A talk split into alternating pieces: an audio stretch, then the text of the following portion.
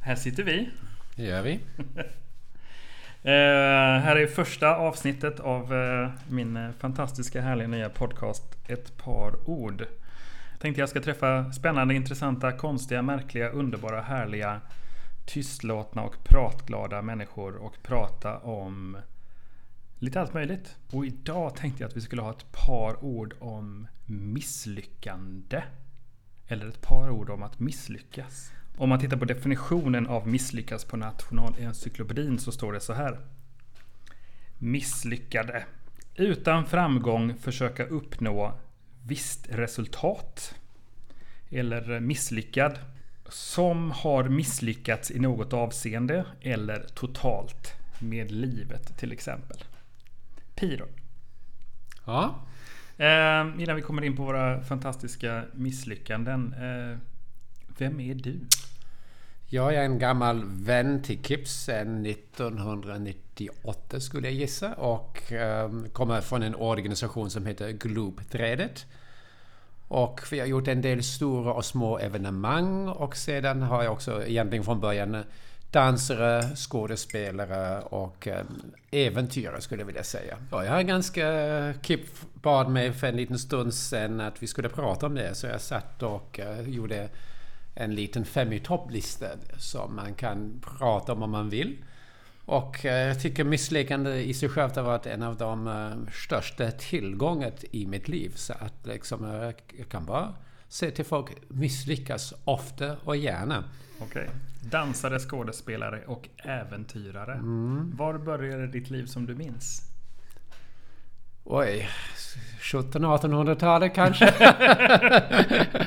Men uh, det jag minns bättre är väl um, i början av 50-talet i England.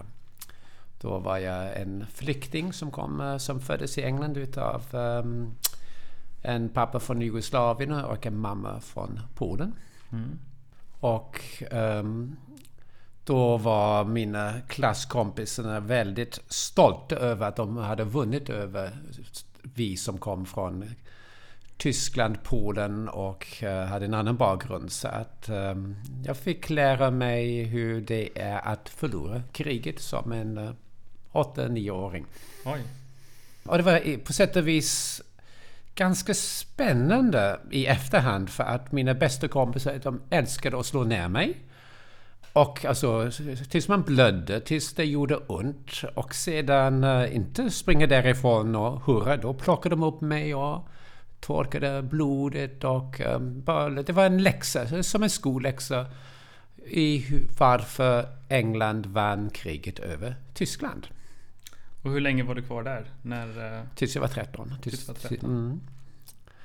Så att skolan var ett spännande tema för mig. Och det var det härliga, och det är så många som känner igen det här, att uh, man trodde att så här var normalt. Det var ett normalt beteende. Det var ingenting som man tyckte synd om sig själv eller det ingick då och då helt enkelt att få lite stryk. Var det eh, ett av dina första misslyckanden? Kom det från barndomen eller kom det först senare? Nej, det, det, var, det var normalt beteende så det var inget misslyckande i det. Det var bara att man var annorlunda. Nej, misslyckande var ju... Jag vet inte i vilket mån det påverkade min skolgång men um, Eftersom vi, jag växte upp väldigt asocial, det fanns inga barn att leka med i de första åren. Så jag låg lite efter i både det ena och det andra. Men vad jag minns först och främst, det var när, jag var 11 år i England. Då har man något som heter 11 plus. 11 plus. plus. Och då är det en test man gör för att kunna göra 11 plus. Så man har en slags förtest och då sålar man bort idioterna. Inte de duktiga, men man blir av med de som egentligen inte borde vara i skolan av någon anledning. Men av någon eh, ännu mystiskare anledning så var jag och en till, vi klarade inte av idiottestet så att säga. Och det, det minns jag liksom, alla andra satt en sån här solig varm dag i salen vi var utanför och försökte få till en frihetskänsla att de sitter instängd i en skola och vi var ute i det fria och fantastiskt att vi kan göra precis vad vi vill. De kunde inte det. Men innerst inne så var man ju rätt förtvivlad och kände sig fullständigt idiotförklarad och det tog hårt. Kände man sig misslyckad? Mycket misslyckad. Man kände alltså att man var faktiskt eh, idiot och, eh, och ett slags chocktillstånd. För så uppfattade man inte sig själv. Att man var så um, idiotisk, så okunnig liksom att man inte ens kunde klara av förtestet för 11 plus. Den, den gick, på att, gick ut på att de som klarar testet kan gå så småningom kanske till realskolan.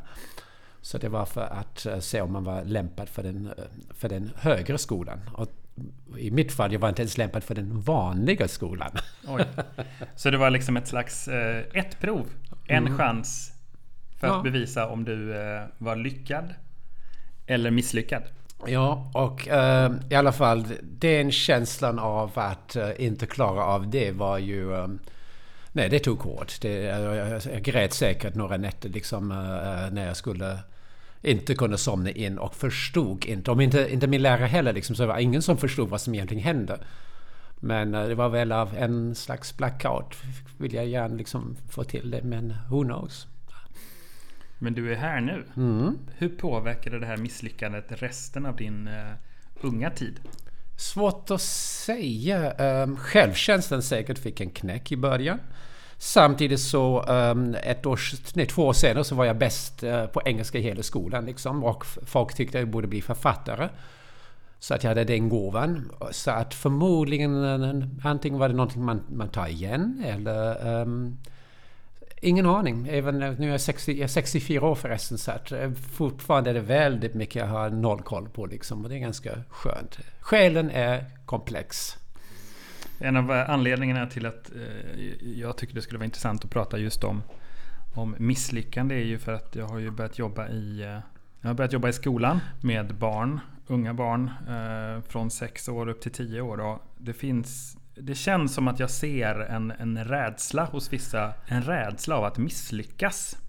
I så unga år. Alltså man är sex år gammal och är livrädd för att göra fel. För hela livet eh, skulle rämna om man inte klarade vissa grejer. Eller klarade vissa prover. eller klarade vissa uppgifter. Har det, har det alltid varit så? Så, um, jag har varit i Sverige rätt länge nu och i och med att vi har spelat teater så har vi varit i väldigt många klasser. Och det var alltså på 70-80-talet ett fenomen som jag inte kände till som idag. Där jag tycker inte de förväntningar, de kraven uh, fanns på samma, inte alls på samma sätt. Ehm, men det, det, är andra krav idag. Säkert finns det bra sidor men jag undrar vad som överväger. Jag kan känna ibland att det, det, det tunga, det här kravfyllda överväger um, ehm, den ambitionsnivå när man kanske läser med eller anstränger sig. Så att, men jag, jag, vet inte, jag, är ingen expert på det här med, med dagens skola. Nej. Är du en expert på att misslyckas? Det är det. Ja, det är det, är det, det tycker jag skulle kunna tillhöra, liksom, kunna sitta i en liten förening liksom och, och vara, ja, om inte ordförande men dock, dock vara med i, i, i den misslyckade föreningen. Vice ordförande? Ja, typ. Ja, det skulle ja. jag platsa för. Det finns ju olika, olika slags misslyckanden. Personliga misslyckanden, misslyckade företag, misslyckade organisationer, sociala misslyckanden. Jag tänker på relationer mm. och vänskap. Eh, praktiska misslyckanden. Jag skulle bygga en, en eh, altan och eh, när gästerna stod på den så rasade den samman. De har misslyckats.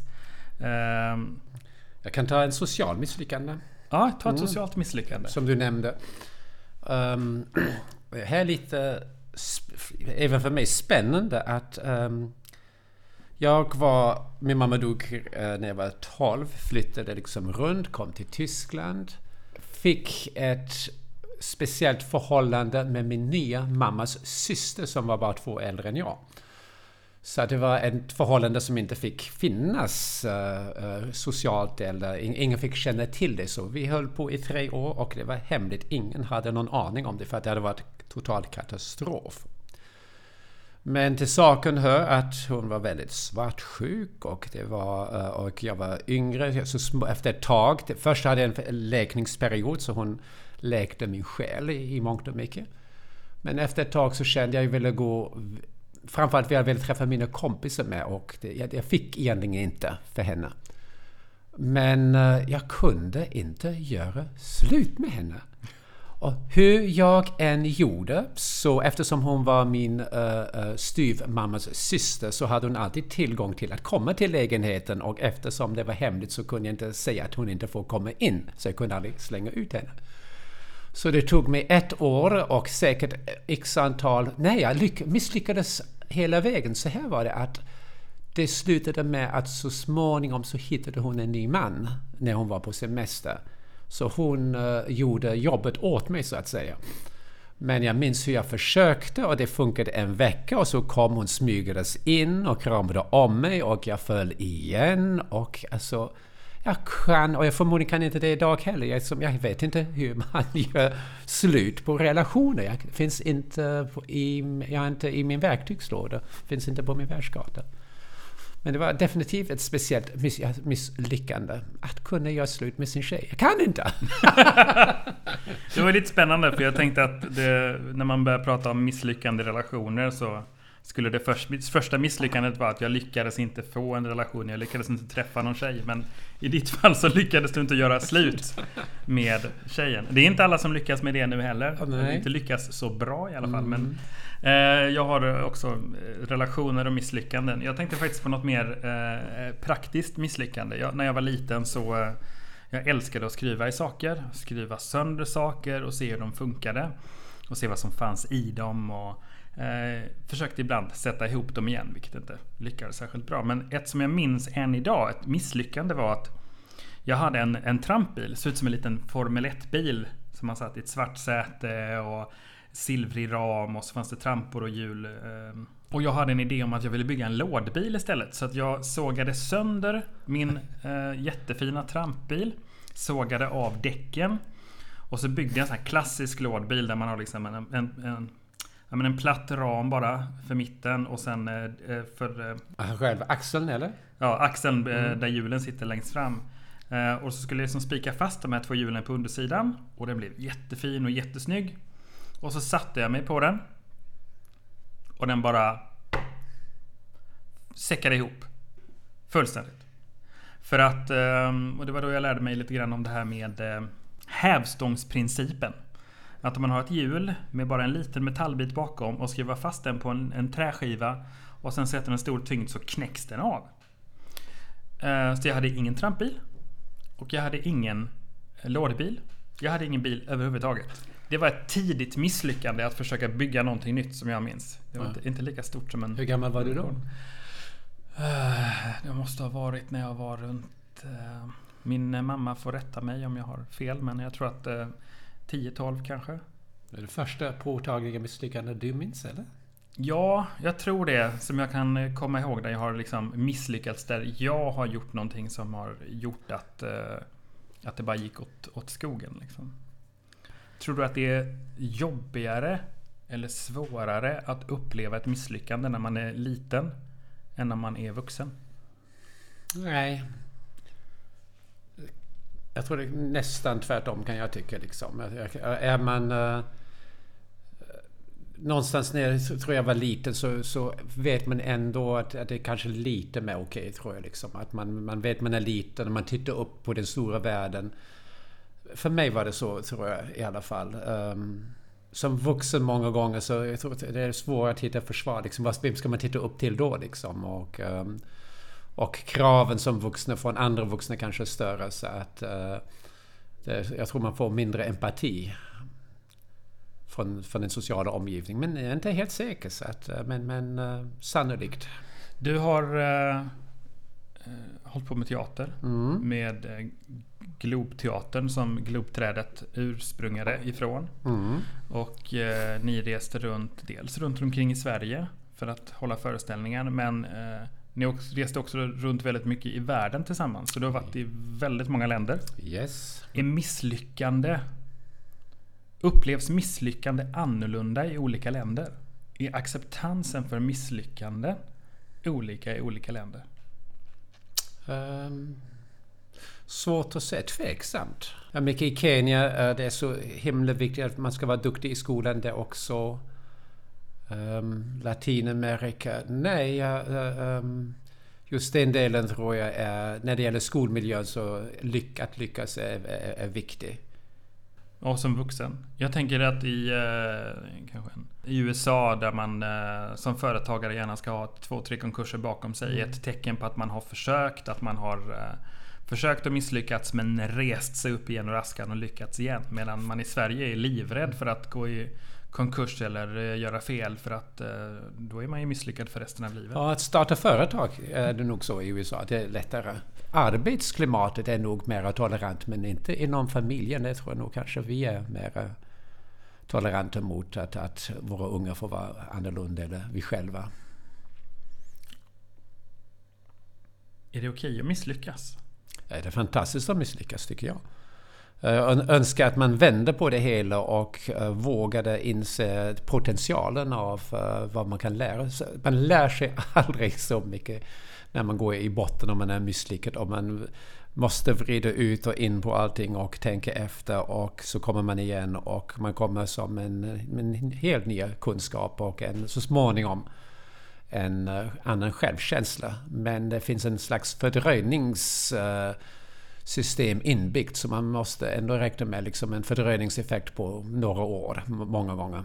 Men om man har lite tålamod så ser man alltid som man tyckte var det värsta som kunde hända är till och med det bästa som kunde hända. Hur lång tid tar det? Efter hur lång tid kan man skratta åt sitt misslyckande eller glädjas åt sitt misslyckande? Jag kan nämna det tyngsta och det är egentligen något, inget misslyckande som sådant men det passar ändå in just i den här frågan. Min mamma dog när jag var 13 år. Um, och jag mådde jättedåligt och var jätteledsen och förtvivlad asocial under säkert 6-7 år. Och när jag 25 så fortfarande tyckte jag lite synd om mig själv och att jag fick vara så ensam i livet. Det hade ganska stora konsekvenser. Så när jag var 30, minns jag, så kom, kom det upp en tanke att Mamma, jag är tacksam att du dog. Och det hade gått nu, ska vi säga, 17 år. För nu vet jag vad döden är. Jag vet att jag klarar av döden och jag vill bemöta döden, vilket jag hade gjort också för att jag var ju på sjukhus som vårdbiträde för att följa x antal personer in i döden. Så där var det en fördröjningseffekt på 17 år. Men jag kände på uppriktigt, och det har jag idag också, det har eh, följt ett x antal människor in i döden, också av vänner, att det är en tillgång idag. Jag känner mig stark och jag vet vad det handlar om. Och sist en god vän dog så satt jag i ambulansen med honom och han, han var död redan och så kom det ”Here we go again”.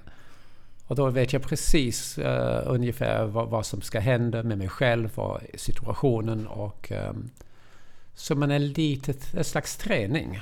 Men en tung träning. Men uh, har det gått 17 år och man har jobbat med det så är det faktiskt en fantastisk tillgång. Finns det något misslyckande som du inte har kommit över än? Åh oh, gud. Um, finns det säkert men jag kan inte... Um, inte i mitt medvetande. Men det finns säkert i mitt omedvetna där man i vissa eh, lägen kanske undviker vissa situationer liksom om man styr om sig för att man kan tänka att det här kan bli jobbigt eller obehagligt fast man vet inte om att man eh, gör det. Så det finns säkert sådana hål eller små rum i min person som, som styr bort mig utsatt. Eh. Men i det stora hela så tycker jag liksom försökt bli vän med mina misslyckanden. Och sen är de en tillgång i, i, i det medvetna åtminstone. Mm. Finns det misslyckanden, på tal om det du precis berättade, finns det misslyckanden som är misslyckade? Där misslyckandet inte på något sätt aldrig någonsin leder till något gott? Jag hoppas inte det. Jag har inte, jag har inte haft det. Um, jag vet att jag har hört när det gäller sjukdom att... Uh, jag pratade nyligen med en vän som var sjuk i x antal år. Mellan 20... Nej, mellan typ 30 37 och tyckte ungefär att det hade gått sju år och det hade liksom kommit någonting gott ur detta. Men andra sidan så tänker jag att det måste gå i alla fall sju år till. Så att man får lite mer distans till det för att kunna säga det. Så att, eh, men ni som lyssnar på det här, ni har säkert, ni som har haft sådana upplevelser och det har gått sju år efter eller tio år och det har inte fått någon distans eller inte kunnat omvandlas till någonting annat. Det finns det här att, att man har, en, har ett objekt och man kan titta hur det ser ut framifrån. Men om man tittar från baksidan om man lyfter upp, tittar underifrån och liksom tittar ovanifrån så kan man se sig själv och livet liksom från olika håll. Och det har jag velat göra. Så att man, men tittar man bara från samma håll så tror jag man får samma resultat. Men, men hittar man ett verktyg att vända och titta och uh, möta det på, på ett annat sätt så borde man kunna få till en annan inställning till det. Uh, jag har gjort det i alla fall. Jag har, jag har försökt och uh, tycker jag har lyckats med det någorlunda. Mm. Just uh, sjukdomar är kanske inte så mycket misslyckande som, mm. som, som olycka. Jag har ju själv varit uh, ganska hårt drabbad av sjukdom.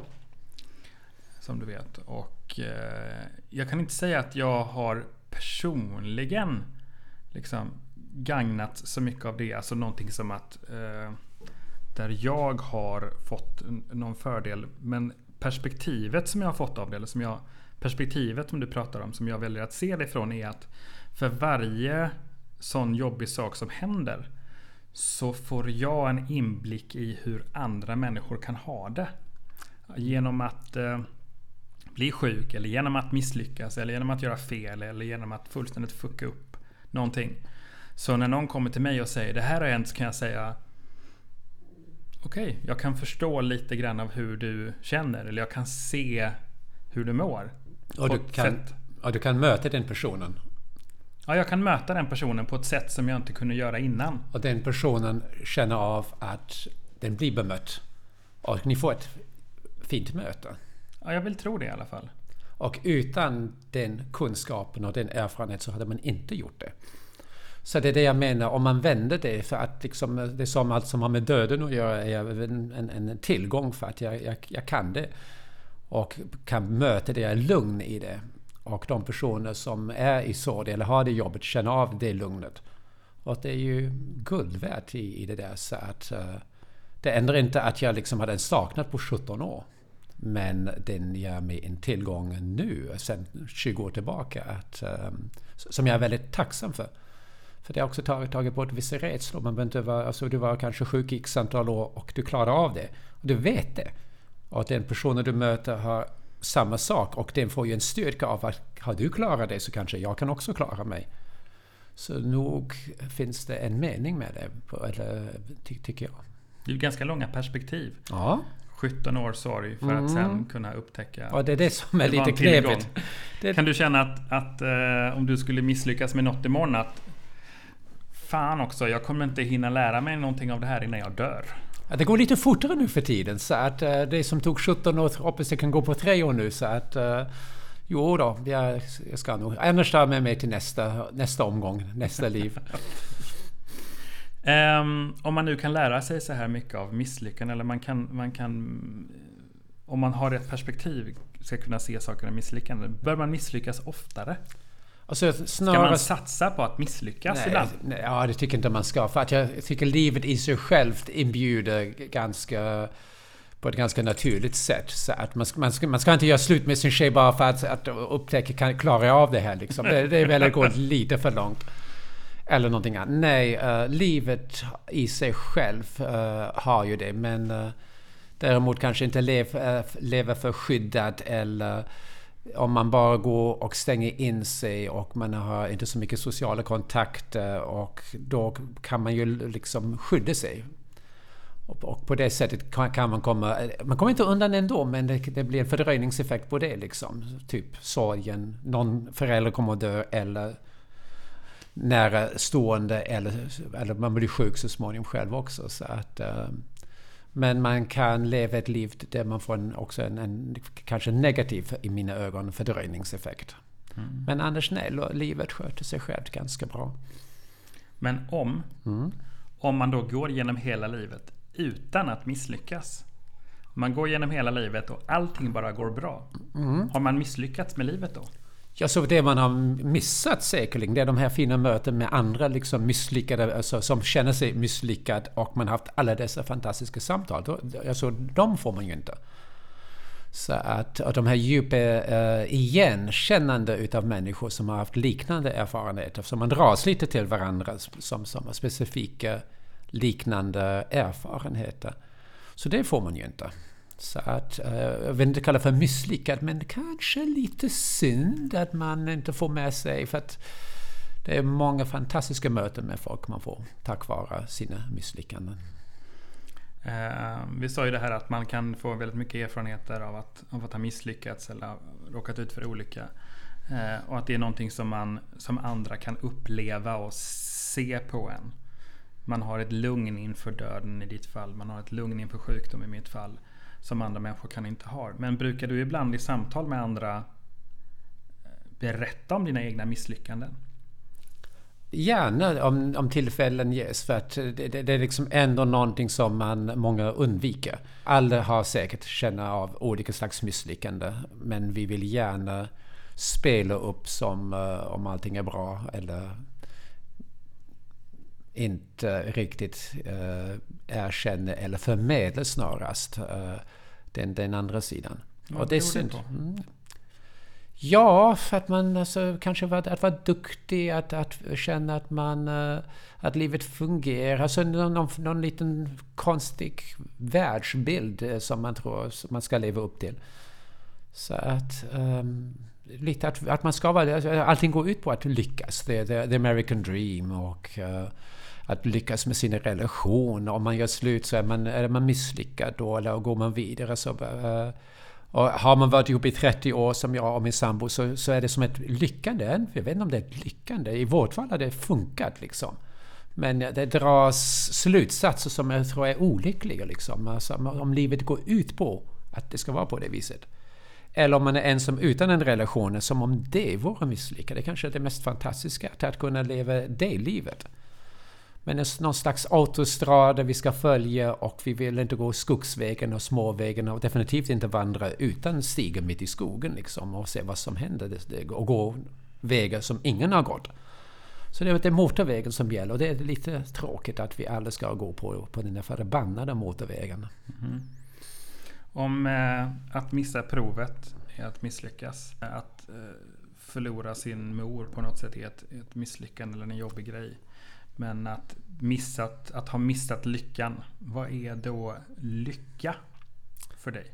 Lycka är för mig en uh, bild som jag helst vill bli av med. Um, för den har väldigt lite, för mig i alla fall, med verkligheten att göra.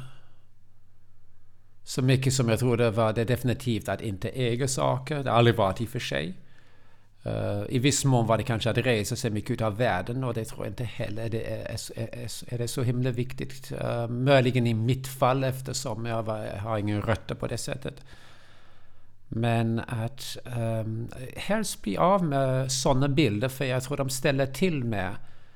Men det kanske är svårt att um, se dagen som den kommer, se möten som de kommer vara lite mer här och nu och lite mer närvarande. Det tror jag är den största lyckan för det är liksom eh, uh, vare sig på en spårvagn här i Göteborg som vi sitter nu eller här i köket med Kip att få det här lilla mötet till stånd där man känner en intimitet och att, att uh, något magiskt i, i, i ögonblicket. Det är väl det magiska i ögonblicket, det är väl uh, lyckan liksom. Jag berättade för dig på vägen hit uh, när vi kom tillbaka från lunchen att lycka för mig den här helgen var att mm. vakna upp i morse och baka eh, scones till dig och mig. Uh, och det var, det var en lycklig stund, eller en, en, mm. lycklig timme. Att få knåda degen, att se den växa lite grann i ugnen, att få servera den och känna doften av gott bröd och njuta av det i gott sällskap. Det lilla. Jag sa att om jag skulle beskriva helgen så är det bara den stunden. Mm. Att det är små stunder av eh, lycka eller små stunder av härlighet. Som kanske är det som är meningen mm. med livet. Jag såg en, eh, eller associerar i alla fall dit, det var en äh, engelsk präst som undrade om han vandrade liksom i 30 mil mellan två ställen utan ett öra, utan kläder, alltså bara kläderna hade på sig. Ungefär som han, hans bild. Nu är jag inte alls kristen. Men jag tyckte om historien där han gick och skulle bara fråga folk på vägen om de hade något mat att ge honom. Någonstans att sova. Så att, uh, och bara se, funkar det? Funkar, hur fungerar livet om man inte har någonting? Och han hade sin lyckligaste vandring. Och hade så många underbara möten på grund av att han hade inte någonting med sig. Och det är sånt där som oftast vi har ingen koll på. Vi har koll på att se till att vi kan betala hyran, att vi har allting. Så vi vet ju inte ens hur det är, vad som händer om vi inte har någonting. Och det verkar oftast vår största skräck. Och då går vi in i ett, liksom ett liv som vi har absolut ingen uh, aning om. Och skräck, skräckblandade känslor sannolikt. Men uh, alltså jag, jag, jag fick... Uh, ja, det var så fantastiskt att bara se. Och jag fick, det hade stor betydelse för mig att just put on your shoes, walk och, och, och allting löser sig. Och den tilliten, lite grann till livet. Eh, och att vi har lite tillit till, själva, till oss själva och till livet. Så därför liksom stor lägenhet, stora inkomster, se till att bilen funkar, att allt liksom och så blir det, och det växer och då behöver man två bilar och, och så är man i det snöret och banklån och det ska betalas och ja det är ju... Mm. Eh, ni jobbar nu väldigt mycket med ett projekt, eller kanske flera projekt i Kenya. Mm. Vill du berätta lite kort om vad ni gör där? Vi jobbar mycket med gatubarn ehm, och det är mina läromästare även idag. Jag lär mig hur mycket som helst av att vara här och nu. Att vara alert, att uh, glädjen över livet, glädjen över att skratta jättemycket. Det är kanske nummer ett, att, att lära sig från gatubarn. För att har man, är man hungrig, har ingenting. Och eh, vad är det bästa botemedel mot hunger? Det är ju skratt. Så glömmer man att man är hungrig och då blir man väldigt duktig på att hitta på roliga saker och roliga historier. Så vi gör en eh, teaterföreställning tillsammans med gatubarn som vi tar till, eller i alla fall fattiga barn i eh, ett eh, område i Kenya som heter Dandora i Nairobi. Och med flickor mellan, och pojkar mellan 10 och 18. Nästa ska vi göra en ny turné. Vi har gjort fem, sex sådana turnéer tillsammans med dem. Och det är så himla kul så att och igen, när vi är på turné och uh, vi bor i samma rum och sover tillsammans, äter tillsammans. Och uh, först tycker man fasiken, alltså ska jag bo och liksom ge upp mitt liv? Och sen när de ska åka hem igen så saknar jag dem så in i helvete och tycker liksom mitt liv är borta. För att det är inte så himla kul att bo ensam i sitt rum och utan det chattret och fnittret och, uh, och den energin. Lite så. Nej, mycket så. Mycket så. Det är faktiskt, så är det. Så är det. Har du något mer misslyckande att dela med dig av? Ja, vilken ska jag ta? Jag har flera. Jag hade fem, jag har berättat om två. Vilka ska jag ta? Um... Jag kan ta något med arbetet eh, att göra, som jag ändå pratar lite jobb och uh, som kanske var lite mer relevant för andra. Och det är vi... 95 så gjorde vi ett projekt om en ensam en person som skulle segla ensam runt om jorden och uh, hjälpte honom bygga båten. Tog ett år, hjälpte liksom, uh, eftersom vi jobbade mycket med skolor så vi fick 300 skolor och det var typ 1000 klasser som följde honom. Så det var typ 30 000 personer som följde projektet och det var med avancerad IT och företag och satellitkommunikation och flaskpost, SMHI, KTH. Så det var många tunga instanser som hjälpte till. Och tanken var att han skulle åka jorden runt och besöka olika länder? Och... Vi kunde följa hans seglats och liksom han skulle äh, lämna vattenflaskor, han skulle förmedla vattenprover. Och vi skulle helt enkelt följa en person som skulle segla jorden runt och allt han såg och upplevde. Och han hade en liten katt som hette Findus som många var jätteinne i. Och hur, vad som hände med eh, att följa ett sådant äventyr. Men, men. Um, han kom till Kanarieöarna och sen tog det stopp. Så att det var uh, många besvikna skolor, bara, alltså inte bara besvikna, de var skitförbannade och tyckte att vi hade lurat dem. Så att det slutade med att uh, han kom inte längre, uh, skrevs om i tidningarna. Det tog stopp? Han, uh, han, han slutade höra av sig? Ja, han hörde av sig och han var förbannad på oss. Han, och vi vet faktiskt inte ens idag vad som egentligen hände, men giss, vår gissning Eh, jag kan inte hans version. Vår gissning är att båten inte kanske var så stabil som han hoppades. Så att han kanske var rädd, men vi vet inte. Eh, jag tror nog att hans vision att segla jorden runt, att den var äkta. Men eh, det kom, så kom en tryckvåg mot en av ilska, förbannelse. Och så småningom så fick man gå runt till alla dessa skolor. Först gjorde min kollega det, Kajsa Dahlström. Och sen tyckte synd om, äh, synd om henne efter ett tag för att jag tyckte fan det är inte bara hon som ska ta skiten. Liksom, så får jag också skärpa mig lite och våga ta emot. Att bli utskälld och äh, förklara hur det gick till och äh, varför vi gjorde varför vi har lurat dem. Och, och så upptäckte man något ganska, förmodligen klassiskt, men ganska spännande. Att först är det så att man blir utskälld. Och så tar man emot och säger ni har rätt, det stämmer, det blev inte som vi har tänkt och vi hade ingen aning om och så där. Och så fick de avreagera sig. Och när man tog emot det så vändes det hela. Och då liksom, jag, vet inte, jag vill inte säga att de tyckte synd om en, men de blev väldigt sympatiskt inställda. Och då kom de fram och klappade en om ryggen och sa vad bra att ni kom, att ni tog det här, att man fick möta er. Nu känns det jättebra. Och det var som, eh, när man gick därifrån, som om ingenting hade hänt. Så det var lite så att uh, när det finns en ilska, det måste bara ut. Så man måste leva ut sin ilska och har man gjort det och man får en mottagare, alltså den som har gjort det. Sen är allting okej. Okay. uh, eh, och då var det inte så farligt att göra det här. Men när man eh, såg tryckvågen komma först så kändes det liksom, eh, fan det här klarar inte, klarar inte jag av. Liksom. Och dessutom var vi rädda att liksom vi får säga hej då till hela Globetrader och liksom gå i konkurs också. För att det, vem fan vill ha med oss att göra? Liksom, det var som att hela vår renommé var borta. Vilket innebär, och det var, vad fan, det var 95.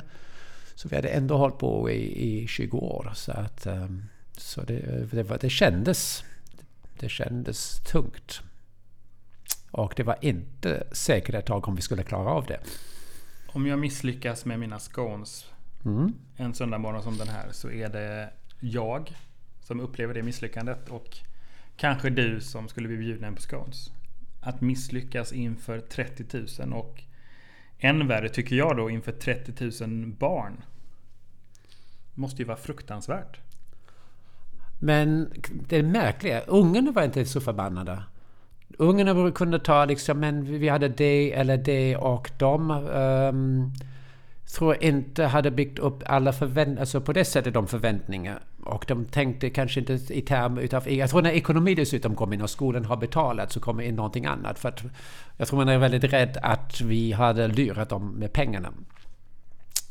Så den delen hade i vuxenvärlden en större betydelse än för ungarna. Uh, sen visade det sig att många unga tyckte det var ändå kul för de hade liksom ändå fått ut sin valuta för pengar. De kom, innan vi åkte, de kom till båten, de träffade kaptenen som skulle segla. De följde oss Vi, när vi seglade runt Sveriges kust innan han åkte iväg så var man där och hade fester, träffade honom. Så de hade ändå liksom fått ganska mycket med sig. De har fått mycket undervisningsmaterial. SMHI hade ändå också gett dem mycket material om väder och vind. Och, så att uh, det var en hel del som de ändå fick. Så egentligen tror jag de hade fått valuta för pengar på sätt och vis. Så det var, var inte så, men, men, men det blev ju inte ett år som det var tänkt. Det var ju en månad. men jag vill vara inte utan det. Jag var faktiskt um, det, tack vare det som vi uh, gjorde, uh, som, som Kip var med om, våra uh, Eh, VM i samarbete, stor, tre stora projekt i Globen och i, i eh, haft stora projekt i Uganda, Kenya. Så att tack vare det här misslyckandet och det här behovet att komma igen. För då kändes det att, att, att, att nu är det, är det slut med oss. Och då får man också det här jävla namnet och så uppstår någonting helt nytt. Så det var inte bara att man fortsätter på det gamla spåret, man var tvungen att söka ett helt nytt spår. Så att um, det Många gånger tror jag det föds någonting fantastiskt. Det är ju ett totalt som man tyckte då misslyckad. Men eh, nej, det var ett, egentligen ett totalt lyckande. Annars utan det hade mycket inte hänt. Om man kan förutse ett misslyckande. Vad tror du att ditt nästa misslyckande kommer att handla om? Oj. Mitt nästa misslyckande. Jag, är inte, jag hoppas inte att jag är rädd för att dö, så den dagen kommer liksom. Och jag ser fram emot lite. Eh, jag tycker varje livsfas har sitt.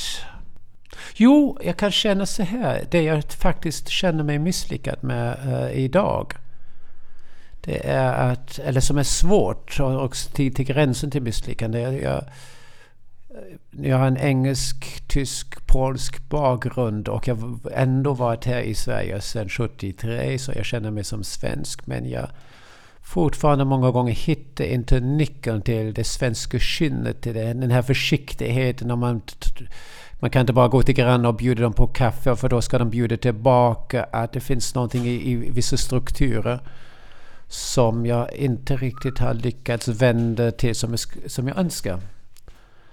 Uh, så jag tycker jag är inte riktigt nöjd med hur jag hittar mina ingångar till uh, grannar, till uh, människor många gånger. Där jag tyckte vi, man borde ha mer gemensamt, ha flera stunder tillsammans. Alltså lite mer magiska stunder tillsammans än vad jag har.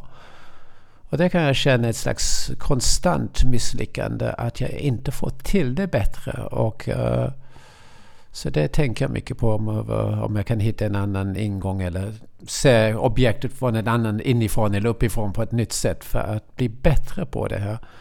Jo, igår satt jag på med en jättefin tjej, ett bra exempel, på, på tåget från Stockholm till Göteborg. Och tänkte, henne vill jag gärna prata med också. Jag tänkte, men om jag pratar nu, hon var typ 25, jag är 65. Då kommer hon att tycka att, aha, nu får jag prata med honom jättelänge, en gammal gubbe. Så tänkte jag, okej, okay, jag ska vänta liksom så att... Uh, när vi närmar oss Göteborg, då känner jag nu kan jag börja prata för att då är det, uh, det är inte så förpliktigande för henne. För om hon ska prata med mig så vet hon om tio minuter är vi i Göteborg. Och jag tror min känsla var rätt liksom. Det var ingenting jag inbillade mig. Men jag hittade inte, jag tänkte hur ska jag kunna börja nu och hitta en ingång så att det blir inte förpliktigande, inte kravfyllt. Att hon kan prata tio minuter och sen gå tillbaka till sin bok eller någonting annat. Liksom och inte se mig som en eh, uh, uttråkad gammal gubbe som söker kontakt. Liksom. Så, att, um, så det tänkte jag lite på. Hur, fan, hur gör man? Vad är, what, where is the, the den underbara ingången för att bara få till det så att det blir totalt avspänd och naturligt utan att känna sig hotad eller... Och jag fick inte till det. Du misslyckades? Ja! Jag satte igång en kvart innan tåget var i Göteborg och då funkade det. Jag tänkte fan vi kunde haft ett mycket bättre, längre samtal om jag hade hittat men... Uh, typ sådana, det är bara ett litet exempel utav många liksom där man känner att det kunde inte så mycket mer. Jag hade fått till så mycket bättre. För det var, det var, hon hade en fin utstrålning så jag tänkte det kunde bli ett, ett bra möte. Men klassisk. Är man rädd att man uppfattas som någonting annat? Och, ett klassiskt vardagsmisslyckande. Ja.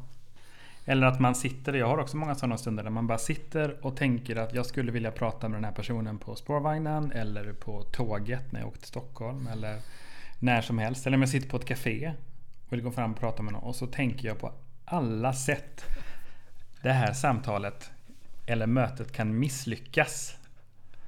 Och jag kommer inte fram till någon variant som är bekväm nog för att pröva.